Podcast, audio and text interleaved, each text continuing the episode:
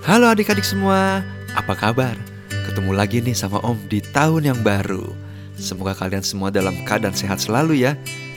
Bagaimana? Sudah siapkah kalian untuk membaca firman Tuhan dan merenungkannya? Kalau sudah, mari kita siapkan Alkitab kita dan membuka dari Lukas 8 ayat 49 sampai 56. Kalau kalian sudah mendapatkannya, mari kita berdoa terlebih dahulu. Mari kita berdoa. Tuhan Yesus terima kasih kami bisa berkumpul kembali Tuhan di tahun yang baru ini untuk membaca firman-Mu dan merenungkannya.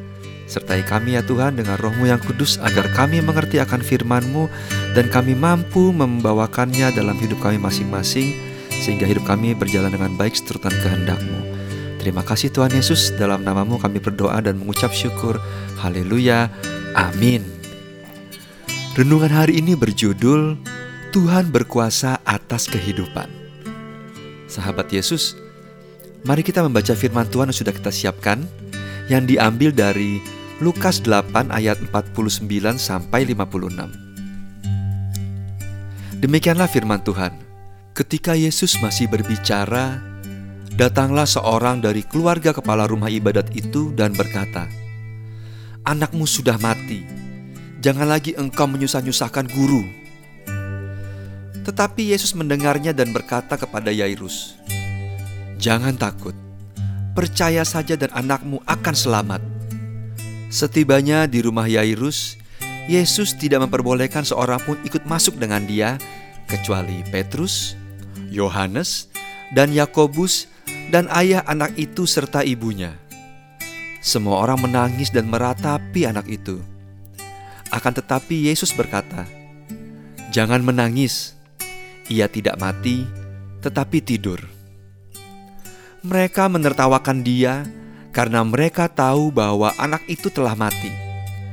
Lalu Yesus memegang tangan anak itu dan berseru, katanya, "Hai anak, bangunlah." Maka kembalilah roh anak itu dan seketika itu juga ia bangkit berdiri. Lalu Yesus menyuruh mereka memberi anak itu makan. Dan takjublah orang tua anak itu. Tetapi Yesus melarang mereka memberitahukan kepada siapa pun juga apa yang terjadi itu. Bintang mempunyai ikan lohan yang belum terlalu besar ukurannya, namun telah dipeliharanya di fishbowl sejak masih kecil sekali. Ketika bermaksud mengganti airnya, Bintang menggunakan air dari shower di kamar mandi untuk mengisinya. Tanpa disadari, lengan Bintang menyentuh tuas keran sehingga berputar ke arah saluran air panas dan bowl itu terisi air panas dengan ikan lohan itu di dalamnya. Mama yang melihat hal itu segera mematikan airnya. Ikan itu sudah kaku tak bernafas. Bintang sangat sedih dan hanya bisa menangis. Namun ia terus berdoa kepada Tuhan supaya ikan itu tetap hidup. Bulan menghiburnya dan memintanya untuk mengikhlaskan saja kematian ikan itu. Sementara itu, Mama terus berusaha menolong ikan itu dengan mengucurnya dengan air dingin yang mengalir. Bintang terus berdoa, memohon kuasa Tuhan untuk menghidupkan ikan itu seandainya belum waktunya Tuhan kehendaki untuk mati. Tiba-tiba Mama berteriak bahwa ikan itu masih hidup. Ia menggerak-gerakkan badannya dan insangnya mulai bergerak membuka dan menutup. Bintang sangat bersyukur atas kuasa Tuhan yang berkenan untuk tetap memberikan kehidupan pada ikan itu yang sudah dianggapnya mati.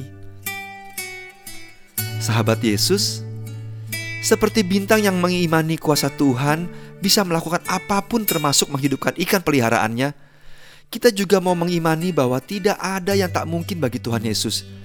Jika Tuhan Yesus mengizinkan, maka itu akan terjadi. Sahabat Yesus, ayo kita ucapkan kata-kata ini Aku mengimani kuasa Tuhan bisa menjadikan apa pun. Sekali lagi, aku mengimani kuasa Tuhan bisa menjadikan apa pun. Mari kita berdoa. Bapa di surga, kami tidak akan pernah ragu lagi akan kuasa Tuhan yang mampu menjadikan apa pun bahkan yang mustahil. Terima kasih Tuhan. Dalam nama Tuhan Yesus kami berdoa. Amin. Nah adik-adik, demikianlah firman Tuhan dan renungan kita hari ini. Semoga kalian semakin percaya kepada Tuhan bahwa Tuhan sanggup melakukan apa pun dalam hidup kita, termasuk hal-hal yang mustahil. Jadi, tetap percaya, dan tetap semangat. Sampai ketemu lagi ya. Salam sehat selalu dan Tuhan Yesus berkati. Bye bye.